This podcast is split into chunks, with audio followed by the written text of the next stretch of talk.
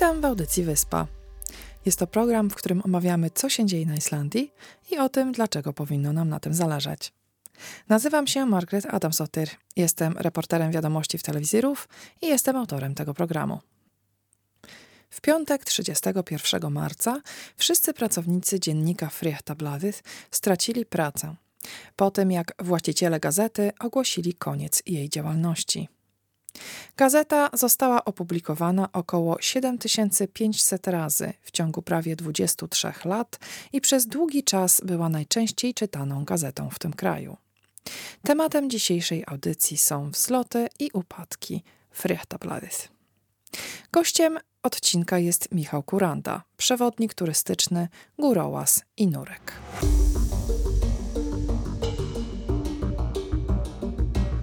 Około 100 osób, w tym około 50 dziennikarzy i fotografów, straciło w piątek pracę.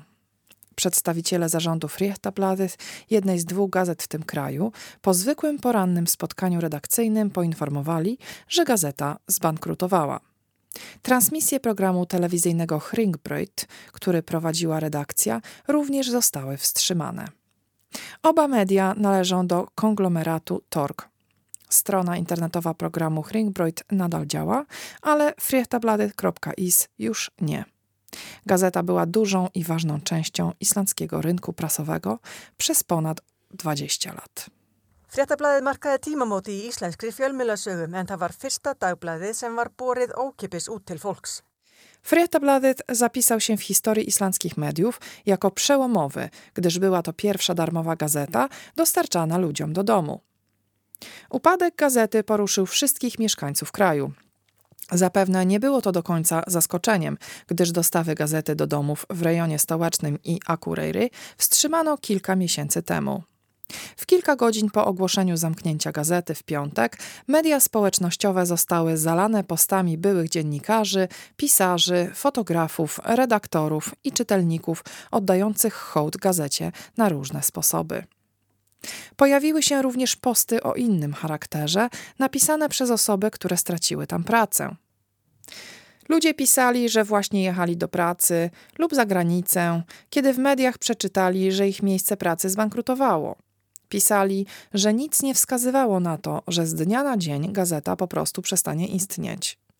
Redakcja przygotowała nawet do sobotniej gazety żart pryma aprilisowy na temat ministra sprawiedliwości. Sobotnie wydanie jednak się nie ukazało, mimo że w piątek odbyło się poranne zebranie redakcyjne, na którym normalnie przygotowywano i omawiano zawartość weekendowego wydania. Pracownicy gazety niczego więc nie podejrzewali, ani kiedy przyszli rano do pracy, ani podczas zebrania redakcyjnego, które odbyło się tak jak codziennie przez ostatnie 23 lata. Louvisa Artnardottir, redaktor naczelny gazety, opisała, jak wyglądał jej poranek 31 marca.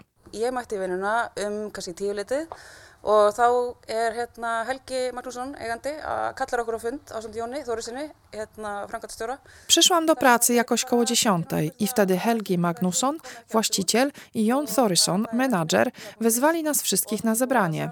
Wtedy ogłosili nam, że Fréttabladet już się nie ukaże, że strona fréttabladet.is jest właśnie zamykana i że strony hringbroid.is i dv.is zostały połączone jako nowa firma, a także, że wszyscy straciliśmy pracę. Wielu przedstawicieli mediów było tak samo zaskoczonych tym rozwojem wypadków, jak redaktor naczelna Fréttabladet. Nikt się tego po prostu nie spodziewał tak z dnia na dzień. Przedstawiciele firmy Tork, która jest właścicielem gazety Fréttabladet i programu Ringbroid, wydali w piątek następujące oświadczenie. Istnieje wiele powodów, z jakich byliśmy zmuszeni zamknąć Fréttabladet. Możemy powiedzieć, że mieliśmy pecha, ale dużą rolę odegrał też rozwój wydarzeń w kraju i ogólnie na świecie, ponieważ publikacja gazet na papierze gwałtownie ustąpiła mediom internetowym, które stopniowo przejmują cały rynek. Oprócz tego warunki prowadzenia prywatnych mediów w Islandii nie są zachęcające. Wszyscy zatrudnieni pracownicy firmy Tork otrzymali dzisiaj swoje wynagrodzenia. Nie zaprzeczamy, że rozwiązanie, do którego musieliśmy się uciec, jest bardzo smutne. Mogę jednak zapewnić, że kierownictwo gazety szukało wszelkich środków, aby znaleźć dla niej akceptowalną podstawę operacyjną na przyszłość. Niestety bezskutecznie. Zarząd firmy wyraża ubolewanie z powodu zakończenia wydawania gazety i dziękuję wielu pracownikom, którzy pracowali dzień i noc, aby wzmocnić fundamenty naszego dziennika w ostatnich miesiącach jego istnienia. Życzymy im wszystkiego najlepszego. Koniec cytatu. Nie jest to całość oświadczenia. Było ono o wiele dłuższe i pisano w nim również o okresie pandemii i o tym, jak bardzo osłabił on gazetę, a także o debacie na temat tego, czy RUF powinien być całkowicie finansowany przez państwo, aby zszedł z rynku reklam, z których się częściowo utrzymuje. Wspomnijmy przez chwilę początek już teraz historycznej gazety.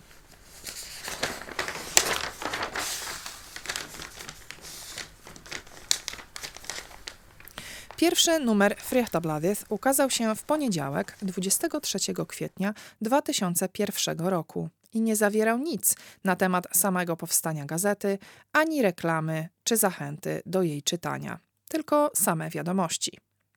Artykuł z okładki pierwszego wydania dotyczył warunków osób psychicznie chorych w Islandii. Nagłówek. Nigdy czegoś takiego nie widziałem. Svein Magnusson, prezes organizacji Get Hjälp, opowiedział o warunkach tej grupy chorych, które jego zdaniem były niedopuszczalne.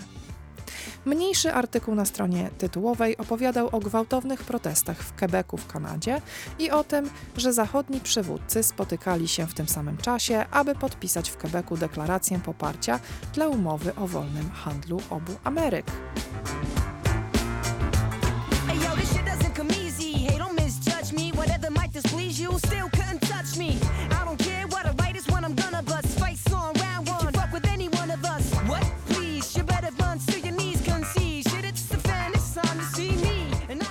Na pierwszej stronie tego pierwszego wydania była również wzmianka o islandzkim zespole muzycznym Quarashi, którego kariera dobrze się rozwijała za granicą.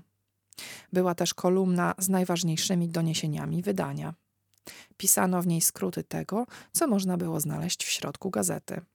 Znajdowała się tam wzmianka o tym, że Össur Skarphédensson, ówczesny przewodniczący partii socjalistycznej Samfylkingen, całkowicie wykluczył wydanie zakazu strajku rybaków, a także o tym, że tysiące ludzi zebrało się w Johannesburgu e, w Afryce Południowej, aby uczcić pamięć tych, którzy zginęli w tragicznym wypadku na stadionie Ellis Park, gdzie tysiące osób zostało zmiażdżonych, a 43 osoby zginęły. Na stronie na temat filmów mogliśmy przeczytać, co leciało wtedy w islandzkich kinach. Dramat wojenny Wróg u bram, dramaty Traffic i Siła i Honor, a także komedia romantyczna Powiedz tak. Więcej nagłówków sprzed 23 lat. Zmęczenie związane z bezczynnością. Koreańczycy pozywają Islandczyków za zniesławienie. Kobiety coraz bardziej się upijają. Lekarze są trudnymi pacjentami. Import pomidorów został dziś wstrzymany. Chciałabym zwrócić uwagę zainteresowanych słuchaczy, że wszystkie artykuły kiedykolwiek opublikowane w islandzkiej prasie można znaleźć na stronie timarit.is.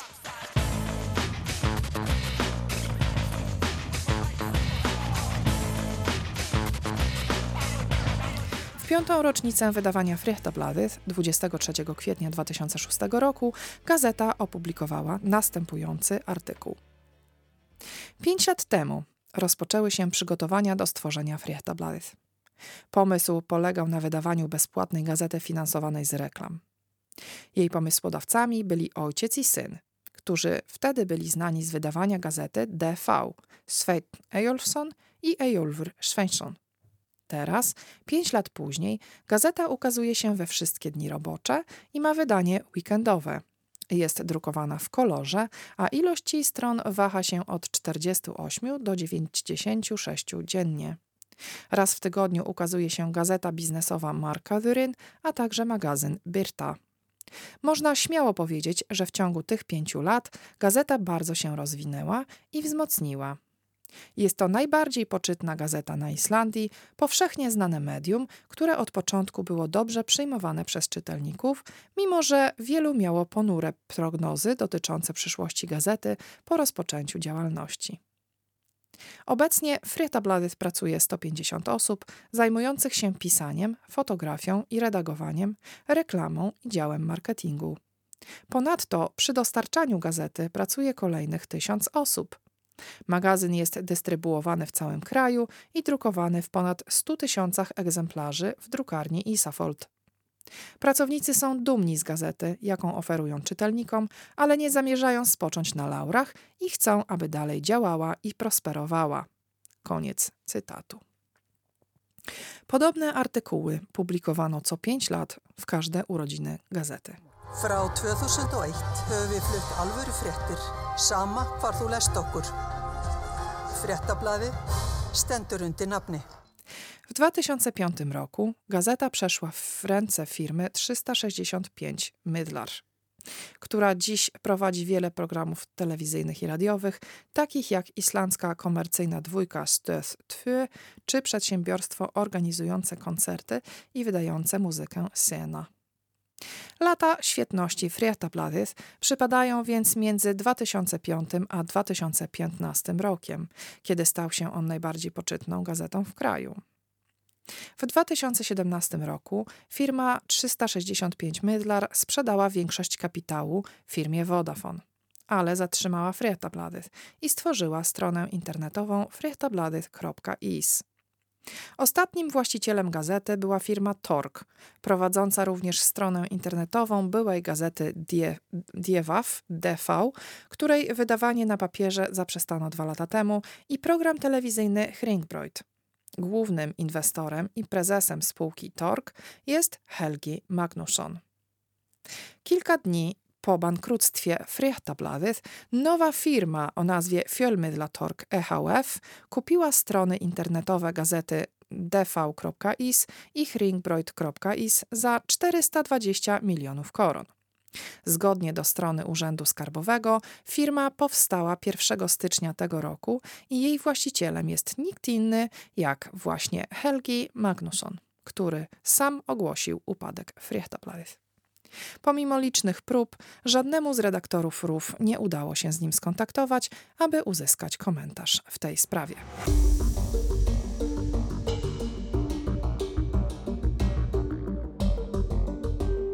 Gościem dzisiejszej audycji jest Michał Kuranta.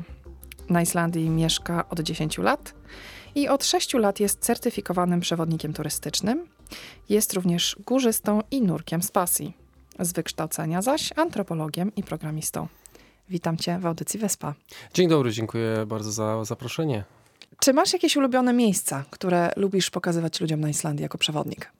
Wiesz co, w tym momencie, bo to się zmienia oczywiście, znaczy my zwykle, jeżeli mamy jakieś kariery e, w tej branży, czyli na przykład one trwają ileś tam lat, to oczywiście te miejsca się zmieniają, bo najbardziej te miejsca, które najbardziej ludźmi są, to są te miejsca, których prawie nigdy nie możemy pokazać naszym turystom, czyli takie, do których jeździmy bardzo sporadycznie, albo sami, albo jeżeli ewentualnie z jakąś grupą, to się to zdarza bardzo rzadko. Dlaczego? No bo no jeżeli widzisz coś po raz tysięczny, czyli na przykład mhm. czy ten wodospad, czy te gejzery, no to on się trochę tak jest otrzaskany już i już nie spełnia tak już ta dopamina powiedzmy tak nie, e, nie trzęsie, także e, no już nie, nie robi takie wrażenia.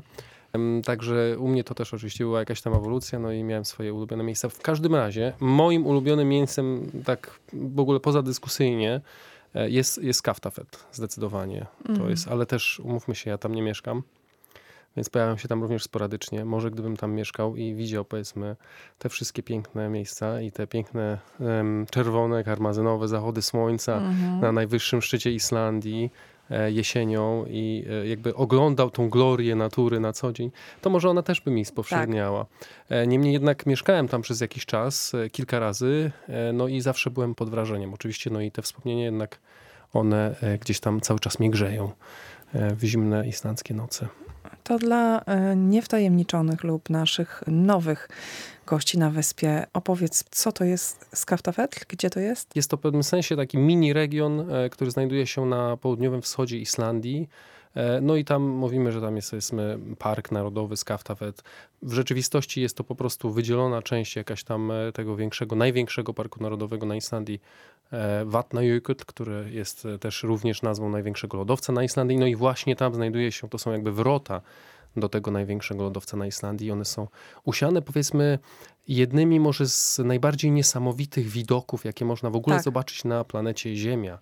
Jeżeli ktoś by powiedział, że, że to jest jedna z czakr Ziemi, na przykład, że gdzieś tam góra Fidżi i gdzieś tam wpadnie Skaftat, ja się absolutnie z tym zgadzam. Jeżeli ktoś jeszcze tam nie był, jest to jedno z dziesięciu, moim zdaniem, absolutnie najpiękniejszych miejsc na naszej planecie, także absolutnie warto odwiedzić. Czyli mamy bardzo, bardzo skaliste i takie spektakularne szczyty, poszarpane, również klify, jak również języki lodowcowe, które spływają z tych szczytów, rozrywając się na lodospady tak zwane. Pojawiają się te takie potężne seraki, czyli te takie kolce wielkie lodowcowe gdzieś tam. E, są również no, przepiękne, po prostu przepiękne, spektakularne pustynie czarnego piasku, które, które również no, mało, Wielkie. o, ogromne, mało ludzi o tym wie, no nie, ale na Islandii mamy no, prawdopodobnie no nie największe e, pustynie w Europie. Ale wiesz co, ja lubię to miejsce, kiedy wyjeżdża się za Wik i przed taką e, skałą Hjorleifshovdy skręcisz w prawo i wiedziesz za tą skałę i tam jest taka wielka pustynia czarna ze stojącą po środku śmiesznego kształtu taką skałą, jedną. Przy Myrdalsjökull e, to jest Myrdal Sandur, czyli, czyli pustynia Myrdal. Kryłam to jakiś czas temu i naprawdę, no, zawsze marzyłam o tym, żeby pojechać na pustynię. Tak jak mówisz, mało ludzi o tym wie. To też jest fenomen. To jest też coś, co można tutaj na Islandii spotkać. Mhm. No myślę, że ludzie wyobrażają sobie, że pustynia musi być sucha. W każdym razie Mhm. nie jest. Mogą to być mokre pustynie, tak jak na Islandii są to pustynie z reguły wilgotne, chyba że mamy jakąś tam Polodowcowe takie, prawda? Czyli po prostu ogromne, ogromne łachy czarnego piachu, Mhm. e, jak okiem sięgnąć. E, owszem, deszcz pada, jednak są one no, nieurodzajne, jakby Nic jest to nie rośnie. nic nie rośnie. E, z pewnymi wyjątkami, to znaczy, owszem, pewne rzeczy tam rosną, jednak zajmuje to ogromnie dużo lat, żeby e, coś tam się w ogóle zaczęło rozwijać. Także jakieś, No mhm. właśnie. Jak już jesteś po raz tysięczny w, Gejzerze albo w Gulfosie, to e, no jesteś, masz już mniejsze wrażenie na temat tych miejsc. Nie, ja w ogóle nie chodzę ich oglądać nawet. E, Poważnie. Nie, Tylko nie. wyrzucasz ludzi i mówisz, to sobie teraz idźcie zobaczyć. Opowiadasz im wszystko po drodze. Są tutaj jakby różne metodyki. Każdy ma Mhm. swój, jakby swój, swój vibe, prowadząc wycieczki. No ja, mam, ja mam taki, że jakby jeżeli są to takie może codzienne wycieczki gdzieś tam na gejzir, które robię powiedzmy kilka razy w tygodniu, bo i zdarzały mi się takie okresy, to dojeżdżam do tego gejzira, opowiadając ludziom o różnych rzeczach związanych z tym zjawiskiem natury, po czym e, no, wyjaśniam im, że tutaj widzimy się za jakiś czas, tutaj em, jest restauracja, tutaj jest ten gejzir, zapraszamy na gejzir w tą stronę, proszę tam iść. Gdyby mieli jakieś wątpliwości, to słuchajcie, rozejrzyjcie się tam, gdzie stoją ludzie, wszyscy, to jest właśnie tam, gdzie i wy powinniście stać, żeby go zobaczyć. No ciężko jakby go ominąć. No tak. To się praktycznie rzecz biorąc nie zdarza, także ja nie muszę już tam chodzić, kiedy A oni już to, to, dostają to w sumie mądre, mądry, dobry sposób, dobry sposób. Myślę, żebym się, bym się zanudził nim na śmierć, a nie chcę, nie chcę żeby Nie to się chcesz. zdarzyło. Chcę jednak wciąż celebrować jakby cu- cudowność natury islandzkiej bez potrzeby gdzieś tam się znudzenia nią. Powróćmy e, do początku, czyli jak się tutaj znalazłeś i co sprawiło, że zostałeś przewodnikiem? Moje pierwsze doświadczenie z Islandem było tak, że dostałem pracę w hotelu w Skaftafet. I tak jak wspominałem, nie? absolutnie spektakularne miejsce. Także przyjeżdżam tam i rzeczywiście no, kopara mi kompletnie opadła. Po raz pierwszy w życiu, e, stojąc tam jest taka skała, na jednej z takich ścieżek e, trekkingowych, oglądając, już przepiękny dzień był, był, co prawda była jesień, ale był przepiękny dzień, zupełnie No słoneczny. tam są spektakularne kolory na jesieni. Absolutnie. No i tam e, ocean w tle, gdzieś tam po prostu majaczący, migoczący w słońcu. E, tutaj zupełnie naświetlone te lodowce z jednej strony, góry. No i ja patrzyłem właśnie tego takiego klifu właśnie w dół na jeden z tych jęzorów lodowcowych i zacząłem płakać.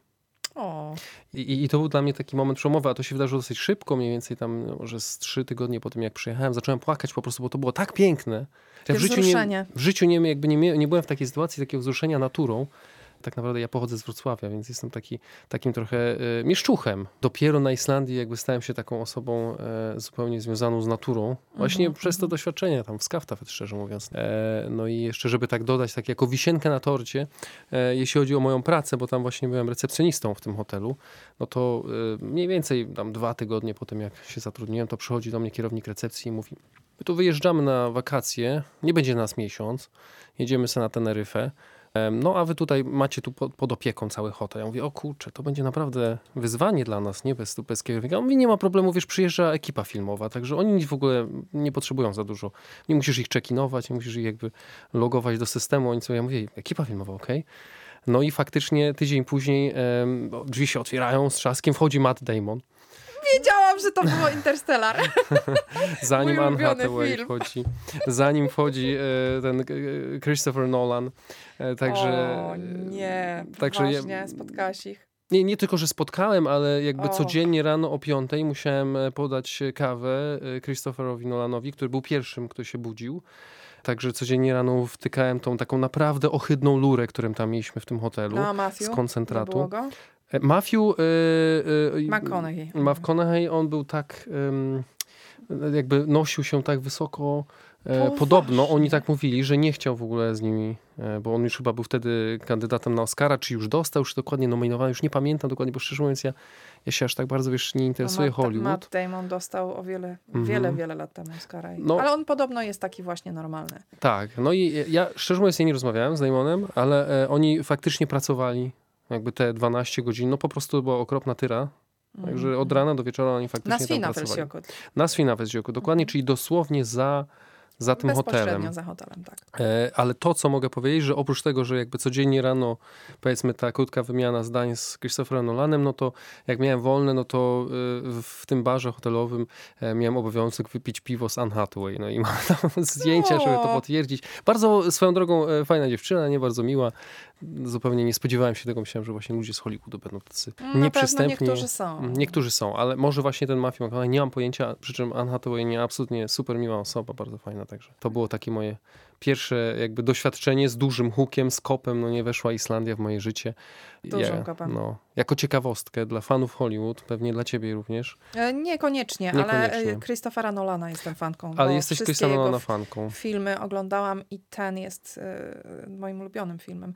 Między innymi dlatego, że był kręcony na Mhm. mm i uważam, że te sceny, w których e, o, oni chodzą po tym lodowcu są spektakularne. Dobrze, prostu. czyli oni chodzą, czyli skaczą, tak? Bo to jest niska E, grawitacja, zgadza tak, się? tak, tak, tak. Dobra, to skaczą, teraz znaczy- właśnie chcę ci Mhm. opowiedzieć, jak oni to zrobili. Okej.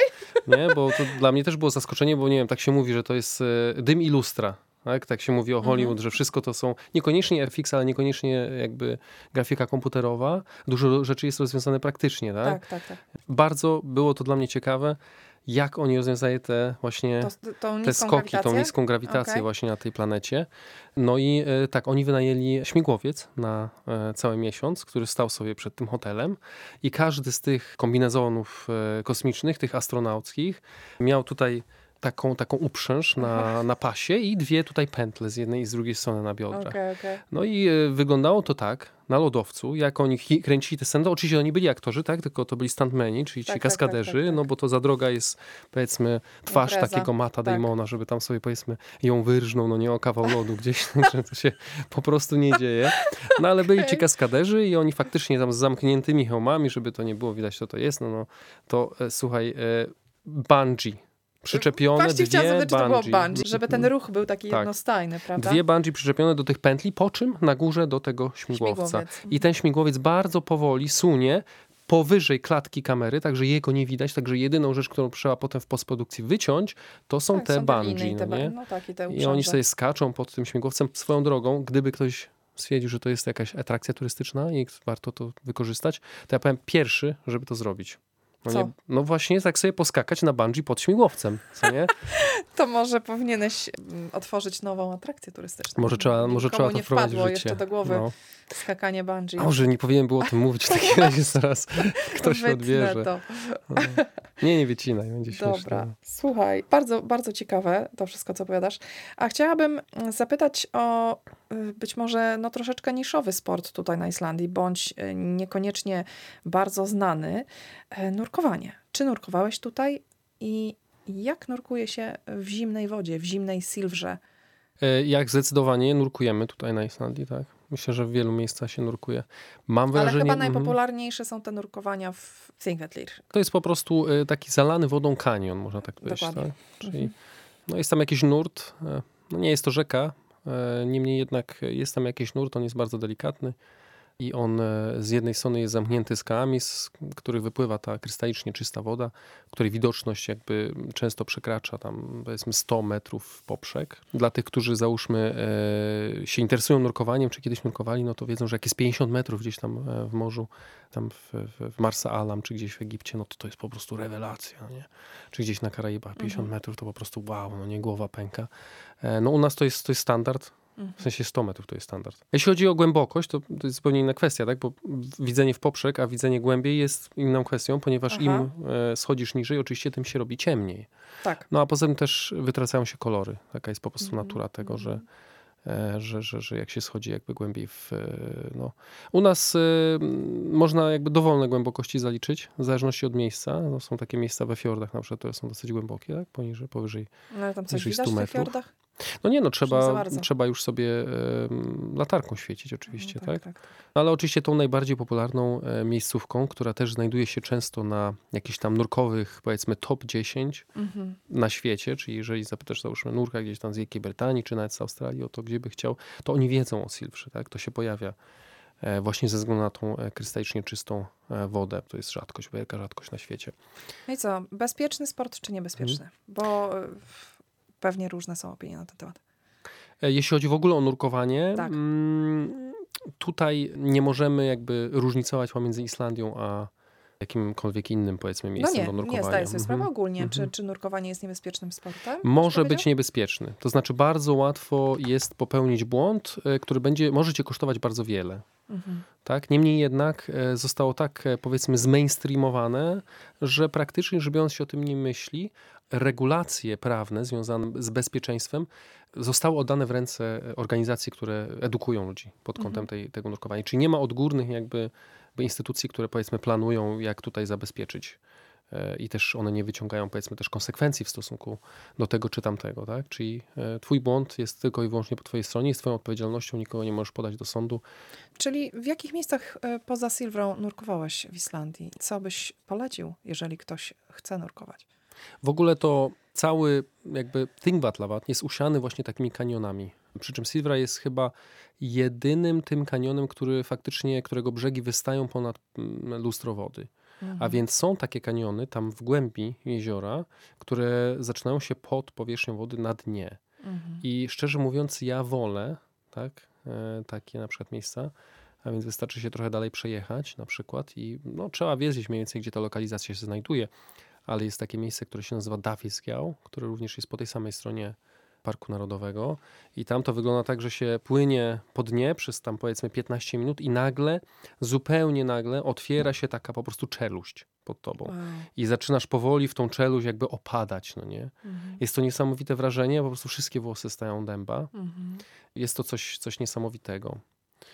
E, Dlaczego często ludzie wybierają to i też do fotografii jest to dobre, ponieważ jeżeli widzisz nurka, siebie nie, ale jeżeli widzisz drugiego nurka, Mhm. twojego kolegę, który jest przed tobą, zawieszonego w tej wodzie, jedyny e, znak, e, oznaka tego, że ktoś nurkuje jest to, że bąbelki wydobywają z jego ust. Tak. Ponieważ bez tego można by e, podejrzewać, że ta osoba lewituje w powietrzu. Jest tak czysta woda. Gdzie najbardziej lubisz jeździć z ludźmi? Nawiązałem do tego właśnie na samym początku, jak mnie pytałaś, to powiem, że ja lubię tam, gdzie właśnie teraz jeżdżę. Czyli Aha. ja sobie zwykle wybieram te miejsca. Całą zimę spędziłem e, szukając zorzy z dużymi sukcesami. E, Ale też mhm. dużo było tej zorze. Tak, jesteśmy. Ta zima mhm. była naprawdę wydajna, jeżeli chodzi o zorze. Jeśli chodzi tutaj o cykl słoneczny, on e, zwyżkuje. E, W przyszłym roku będzie właśnie wyż totalny, jeśli chodzi o cykl słoneczny, 11-letni, także cykl aktywności. Więc e, w przyszłym roku będzie jeszcze więcej tych zórz. No i tak przez następne 3 lata, nie? Jest to powiedzmy łatwy sezon był, jeśli Mhm. chodzi o zorze i były one dosyć spektakularne i praktycznie codziennie je Tak. nie byliśmy w stanie znaleźć. E, No i to są wycieczki, które ja bardzo lubię, ponieważ nie mają one żadnego planu. Plan Tak. jest tylko taki, musisz dostarczyć turystów tam, gdzie jest zorza. Tak. Ale gdzie pojedziesz, zależy to wyłącznie od ciebie, plus nie ma ruchu drogowego, bo jest to w nocy. Co jest niesamowitym, niesamowitą przyjemnością, jeśli chodzi o prowadzenie pojazdu. E, I też sobie zdałem z tego sprawę parę miesięcy temu, kiedy odwoziłem ludzi z powrotem do Reykjaviku i były zupełnie puste ulice. Ja z taką wielką przyjemnością jeździłem po tych ulicach bez żadnego ruchu. I wspominałem, jak to wracając, czy to ze Złotego Kółka, czy gdzieś tam z południowego wybrzeża, po prostu stałem w tych korach. Tak, to jest, to jest przykre, to jest przykre. Słuchaj, a e, co mógłbyś poradzić rodakom, którzy mm, chcieliby zostać na przykład przewodnikami tutaj? Branża jest bardzo chłonna. Myślę, że firmy, jeśli już nie zatrudniają, to będą zatrudniać. Najłatwiejszym sposobem e, zdobycia jakichś takich wstępnych kwalifikacji, żeby już e, móc pokazać jakiś papier czy też umiejętności e, swojemu przyszłemu pracodawcy, będzie na przykład pójście na jeden z takich kursów lodowcowych. Na pewno te kursy będą się odbywać z Kaftafet, więc od razu tak, tam zazwyczaj na miejscu, gdzie się Mhm. pracuje. No i ten rynek jest bardzo chłonny, tam jest też duża rotacja, także już po tym pierwszym kursie zdobytym można dostać pracę właśnie na lodowcu jako przewodnik lodowcowy. Także to jest moim zdaniem bardzo taki dobry właśnie, jak to się mówi, entry point. Nie? A ta licencja przewodnika? Mhm. To jest trochę grubsza sprawa. No to E, Menta z mhm. Kopowej, tak? Czy... No ja robiłem FMK właśnie, tak, to Mhm. właśnie w Kopawogór, bo to jest koło mnie, także tam było mi najwygodniej. To jest roczna szkoła, prawda? To jest roczna szkoła, tak zwany Fachnaum, e, no i ona jest po islandzku, chociaż wiem, że jest taka szkoła też w Auerbayr, która niestety nie daje tego samego certyfikatu, co, co ten kurs w MKU. E, No to są pewne różne, drobne różnice, to już trzeba się zorientować, ale tam faktycznie w Auerbayr były kursy po angielsku, także to, to oni wychodzili właśnie naprzeciw obcokrajowcom. Jeżeli mówimy o tym takim tradycyjnym, no to jest okrągła blacha, jeżeli Mhm. ktoś jeździł na wycieczki, to pewnie widział. No i Tak. poniżej taka plakietka, która jest wydawana przez Związek Zawodowy Przewodników na Islandii. Leć Szyłmana Fiela Mhm. Także, żeby zrobić taki kurs na przykład właśnie zawodowy w e, MKU, no to trzeba spędzić rok ucząc się, pełne dwa semestry jakby akademickie, Tak. ucząc się po islandzku i zdać egzaminy Tak. dwa razy na sesjach, także nie jest to obligatoryjne e, w Mhm. żadnym wypadku. Tak jak mówię, można być przewodnikiem e, bez tego, E, można się dostać jakoś tam chyłkiem, no nie, I, bo akurat potrzebują. Czy to na przykład na kierowców na zorze, na zorze potrzebują, masz prawo jazdy D, no to jedziesz, nie? Mhm. No tam już parę miesięcy pojeździsz, już jesteś przewodnikiem, tak? Już możesz Tak, oczywiście. iść i jeździć na przykład na to Złote Kółko, czy Południowe Wybrzeże. Samemu także- po prostu możesz się Mhm. nauczyć. okej. Jest i taka możliwość. I Jesteś tutaj już od 10 lat, teraz idą święta. Czy spędzasz święta wielkanocne? Czy trzymasz się jakichś określonych tradycji polskich bądź islandzkich? Teraz mam e, dzieci. Mhm. No, całym tym cyrkiem wielkanocnym trzeba wjechać, żeby dzieci miały e, frajdę. No bo jednak dzieci lubią po prostu jakieś takie Tak. celebracje właśnie i jakieś takie specjalne wydarzenia. E, Tak, my Oblewacie się wodą w poniedziałek? Mhm. No to wiesz co, to się nie działo. Na Islandii chyba nie ma takiego Nie, nie, zwyczaju, nie, tak? absolutnie. To No jest właśnie, bo typowo polskie. Moja żona jest Islandką. Mhm. No i jakby ona też chyba, to nie było tak. Ja też nie, nie śmiałbym jej oblać. Nie? A Mam wrażenie, że to mógłby być największy błąd w moim życiu. Myślę, że mogłyby to Ale się skończyć źle bardzo dla mnie. się nie boją zimnej wody. Nie, ale, ale, ale no jakby nie, nie chcę jej powiedzmy wchodzić na odcisk, tak? No, także Rozumiem. zobaczymy. Też nie chcę dzieci uczyć, nie? Bo potem się okaże, że wiesz... Tak, e, obleją swoich e, kolegów lub koleżanki. No, albo poza Wielkanocą gdzieś e, matkę trafi wiadro wody na przykład. Tak. no. Muszę. Nie, nie, Czyli- synku, czyli tego to uważasz- tylko na Wielkanoc robimy. No. Czyli uważasz, że, że ten zwyczaj jest, e, zachowujemy dla siebie jako Polacy. Ja, szczerze mówiąc, nigdy nie łaziłem z wiadrami po No z ulicach. wiadrami nie, ale nie Mhm. miałeś takiej, takiej Tak, oczywiście, że tak. małej? Ale, ale nie wiem, czy pamiętasz jeszcze, jak jest e, lany poniedziałek, to Mhm. praktycznie nikogo nie ma na ulicach. No Oprócz nie, tych nie, band ja nie mogłam wiadrami, wyjść nie? jako młoda No. dziewczyna. Nie mogłam tak. wyjść, bo ja wróciłam całkowicie Oczywiście. przemoczona. Szukanie jajek, czekoladowe jajka. No, myślę, że będą, tak. Myślę, że na pewno będziemy malować jajka. Mhm. Będziemy chować jakieś jajeczka i małe prezenciki gdzieś, Mhm. żeby dzieci sobie szukały, także to jest na pewno duża frajda, żeby patrzeć, jak one się dobrze bawią. I tym pozytywnym akcentem zakończmy dzisiejszy odcinek Wyspy. Dziękuję Ci serdecznie za przyjście do studia. Dziękuję bardzo, e, wielka przyjemność i pozdrawiam wszystkich słuchaczy.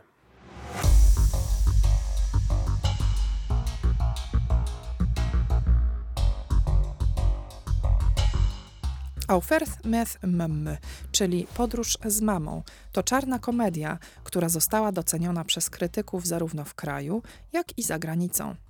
Nie jest to historia dla wrażliwych, gdyż opowiada o Jonie, mężczyźnie w średnim wieku, któremu umiera matka. Jon miał bardzo bliską relację z matką, a jej ostatnim życzeniem była podróż po Islandii. Jon ubiera więc trupa matki, instaluje go na tylnym siedzeniu samochodu Instaluje go na tylnym siedzeniu samochodu i wraz ze swoim psem wyrusza w podróż. Er þetta móður þín? Já. Sæl, frú mín. Hún er döið. Þú ert að grenja. Grenja? Nei, ég var ekkert að grenja. Hægri, vinstri.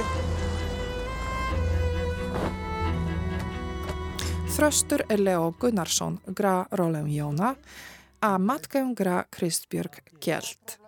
W filmie wystąpili również Hera Hilmarsdottir i Thomas Lemarquis. Film miał premierę na Islandii na początku tego roku i był najchętniej oglądanym islandzkim filmem w kinach w ciągu ostatnich tygodni. Zdobył trzy nagrody na międzynarodowych festiwalach filmowych, w tym za najlepszą główną rolę męską Gunnarssona. Wiadomości z Islandii po polsku można znaleźć na stronie www.ruf.is ukośnik polski. Drodzy słuchacze, składam Wam w imieniu swoim i Państwowej Rozgłośni Radiowej RUF serdeczne życzenia zdrowych i wesołych świąt wielkanocnych. Po polsku tradycyjnie smacznego jajka i mokrego dyngusa, a po islandzku szybkiego znalezienia czekoladowego jajka. Gledlega pauszka. 30 marca DJ Paul Me wydał swoją najnowszą produkcję, która jest coverem starego szlagieru Helgiego Bjorns Thurzend Szynnym Szegzyjał, czyli powiedz tak tysiąc razy. Śpiewa Rakel.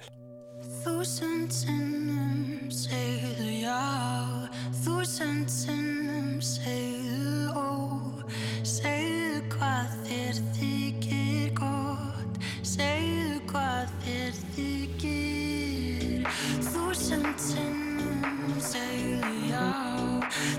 Landinu segðu úr, segðu hvað þér þykir góð